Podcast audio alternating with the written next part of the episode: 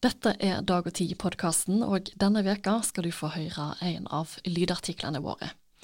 For hver så leser vi inn et utvalg av artiklene våre som abonnentene kan lytte til. Mylin Clement sjekker inn i barndomsheimen til dikteren Jakob Sande, og skriver om det i en serie som heter 14 dager i fialer. Og du skal nå få høre hun lese første del i serien.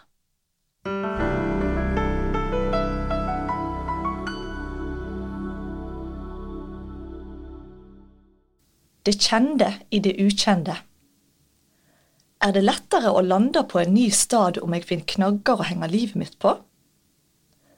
Reportasjen er skriven og lesen av meg, Mylin Clement, og dette er første del i serien 14 dager i fjaler. Hvem bor slik, tenker jeg medan jeg sitter på bussen inn mot Dale i Sunnfjord. Ute er det mest landskap, fjell og skog, og et og annet hus uten nære naboer. Der bor søskenbarnet mitt, sier bussjåføren, og jeg lurer på om jeg kom i skade for å si noe høyt. Jeg er den eneste passasjeren i dag, har sete meg like bak sjåføren Jostein, og får såleis en guida tur hele den dryge timen det tek å kjøre fra Rusjedalsvika kai til selve Dale. En nemning som henger att fra glanstida da byfolk flytta hit for å arbeide på skofabrikken AS Jarl. Der bor et annet søskenbarn av meg, sier Jostein noen minutter etter det første, men når vi passerer det tredje søskenbarnet på ruta, sier han at nå har han ikke flere søskenbarn på dette strekket. Hva skal du i Dale, da? spør han, og jeg forteller at jeg skal til Jakob Sande senter for fortellerkunst og bo og skrive i barndomsheimen til dikteren i to veker. To veker i Dale? Håper du finner noe å skrive om? Sjøl om jeg ikke har vært her før, er det som øynene mine leiter etter ting jeg kjenner att. Spredd bosetnad er det i Austevoll òg, og jeg bor ikke akkurat sentralt, jeg heller. Ser jeg etter likskaper, er det mye som er likt her og heime. Når vi kommer til kommunesenteret Dale, kan det sammenlignes med å komme sørfra til rundkjøringa på Eidsbøen og kjøre mot Storebø. Først passerer vi den nye Dingemoen skole med mørk, stående kledning. Vi har samme stil på den nyutbygde ungdomsskolen i Austevoll. Så kommer vi til to svære grå klosser like ved den annen som heter Europris og Coop Extra. Nett som heime. De ble satt opp på 1, 2, 3 for et par år siden, og nå er det ingen som husker hvordan det så ut før klossene kom. Der er den gamle gamleheimen, i dag er det husvære der, sier sjåføren. Det er det i den gamle gamleheimen i Austevoll òg, sier jeg. Er det slik det er å reise til nye steder, og bare leite etter likskaper med staden du kommer fra? Da Jakob Sande var på langfart sørover Stillehavet i 1933, drog han kjensel på naturen i Magellanstredet i Chile. Han mente det så ut som Sognefjorden. Sitat. En plass var det så hoggende likt Vik i Sogn at det var på vei opp på brua for å dra i fløyte og varske sogningene om at nå kom dampen. Fra bussholdeplassen går jeg mot Dale kirke, der tolv år gamle Jakob skal ha skrevet det første diktet sitt. O Herregud, lad ei din tjener lenger strekke sin preken ut. Nå er jeg mett av hans ord, jeg lengtes hjem til mitt middagsbord. Klokkergarden som Jakob kom fra, ligger like til venstre for kyrkja.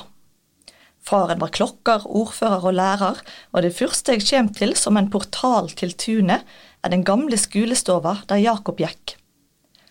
Nå er huset en liten butikk med bøker, håndduker, kopper og tetrøyer med Sande-sitat. På trappa tar Rakel Wilhelmsen Solheim, daglig leder av senteret, imot meg. Jeg veit at hun er ei av fire søstre, og at far deres drev målerbutikken i bygda tidligere. Det fortalte bussjåføren.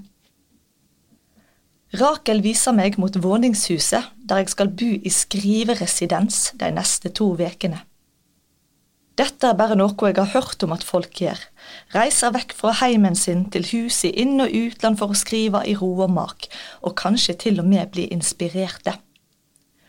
Til vanlig skriver jeg i stova hjemme, er med familien min hver dag og blir inspirert deretter. Å være nær røttene mine kjennes trygt, men samstundes er jeg redd for å verte rotfast, verte for komfortabel med heimeskrivinga. Er det sunt for skrivinga å være heime hele tida? Eller er det en av grunnene til at det finnes residenser som skribenter kan søke seg til, ofte i flere måneder i slengen, nett for å skrive? Kjem denne residensen til å skape presedens? Algoritmene spilte på lag med meg en kveld i sommer. Noen hadde likt et innlegg på Facebook som førte til at jeg fikk det opp i nyhendestraumen min. I Fjaler kan en søke om å få bu gratis og skrive i barndomsheimen til Jakob Sande. Jeg sendte inn en søknad og fikk tildelt to veker i november.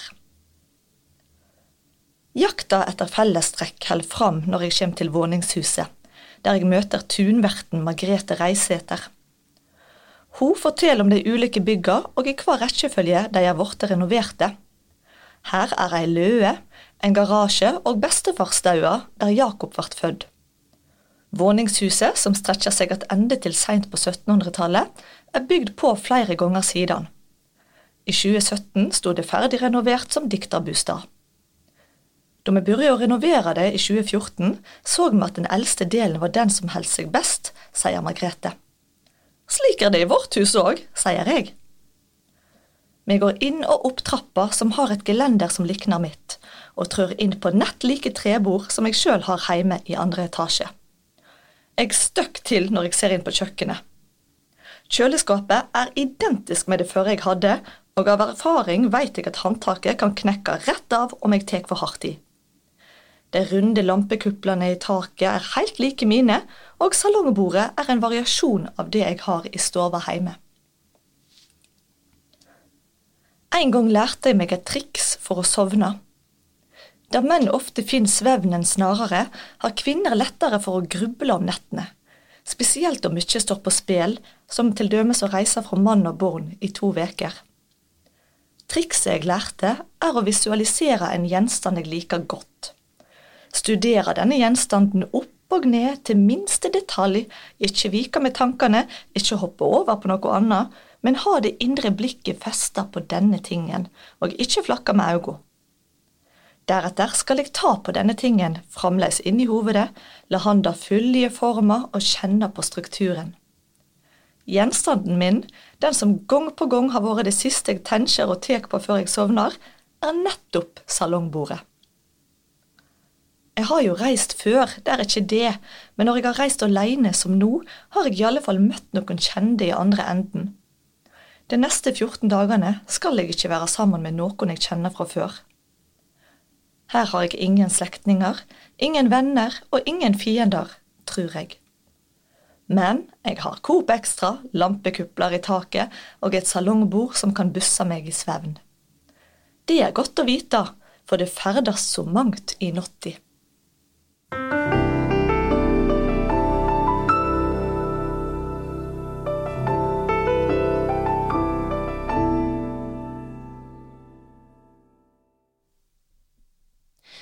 Du hørte Meilin Clement lese første del i reportasjeserien sin 14 dager i Fjaler. Vil du lese eller høre resten av serien, men ikke er abonnent? Da kan du bestille et gratis prøveabonnement med automatisk stopp på dagogtid.no prov. Er du allerede abonnent og kjenner noen som du tror kunne sett pris på et Dag og Tid-abonnement? Da kan du gi deg avisa i julegave. Mottakeren får avisa i fire måneder. Les mer på dagogtid.no. Takk for at du lytta.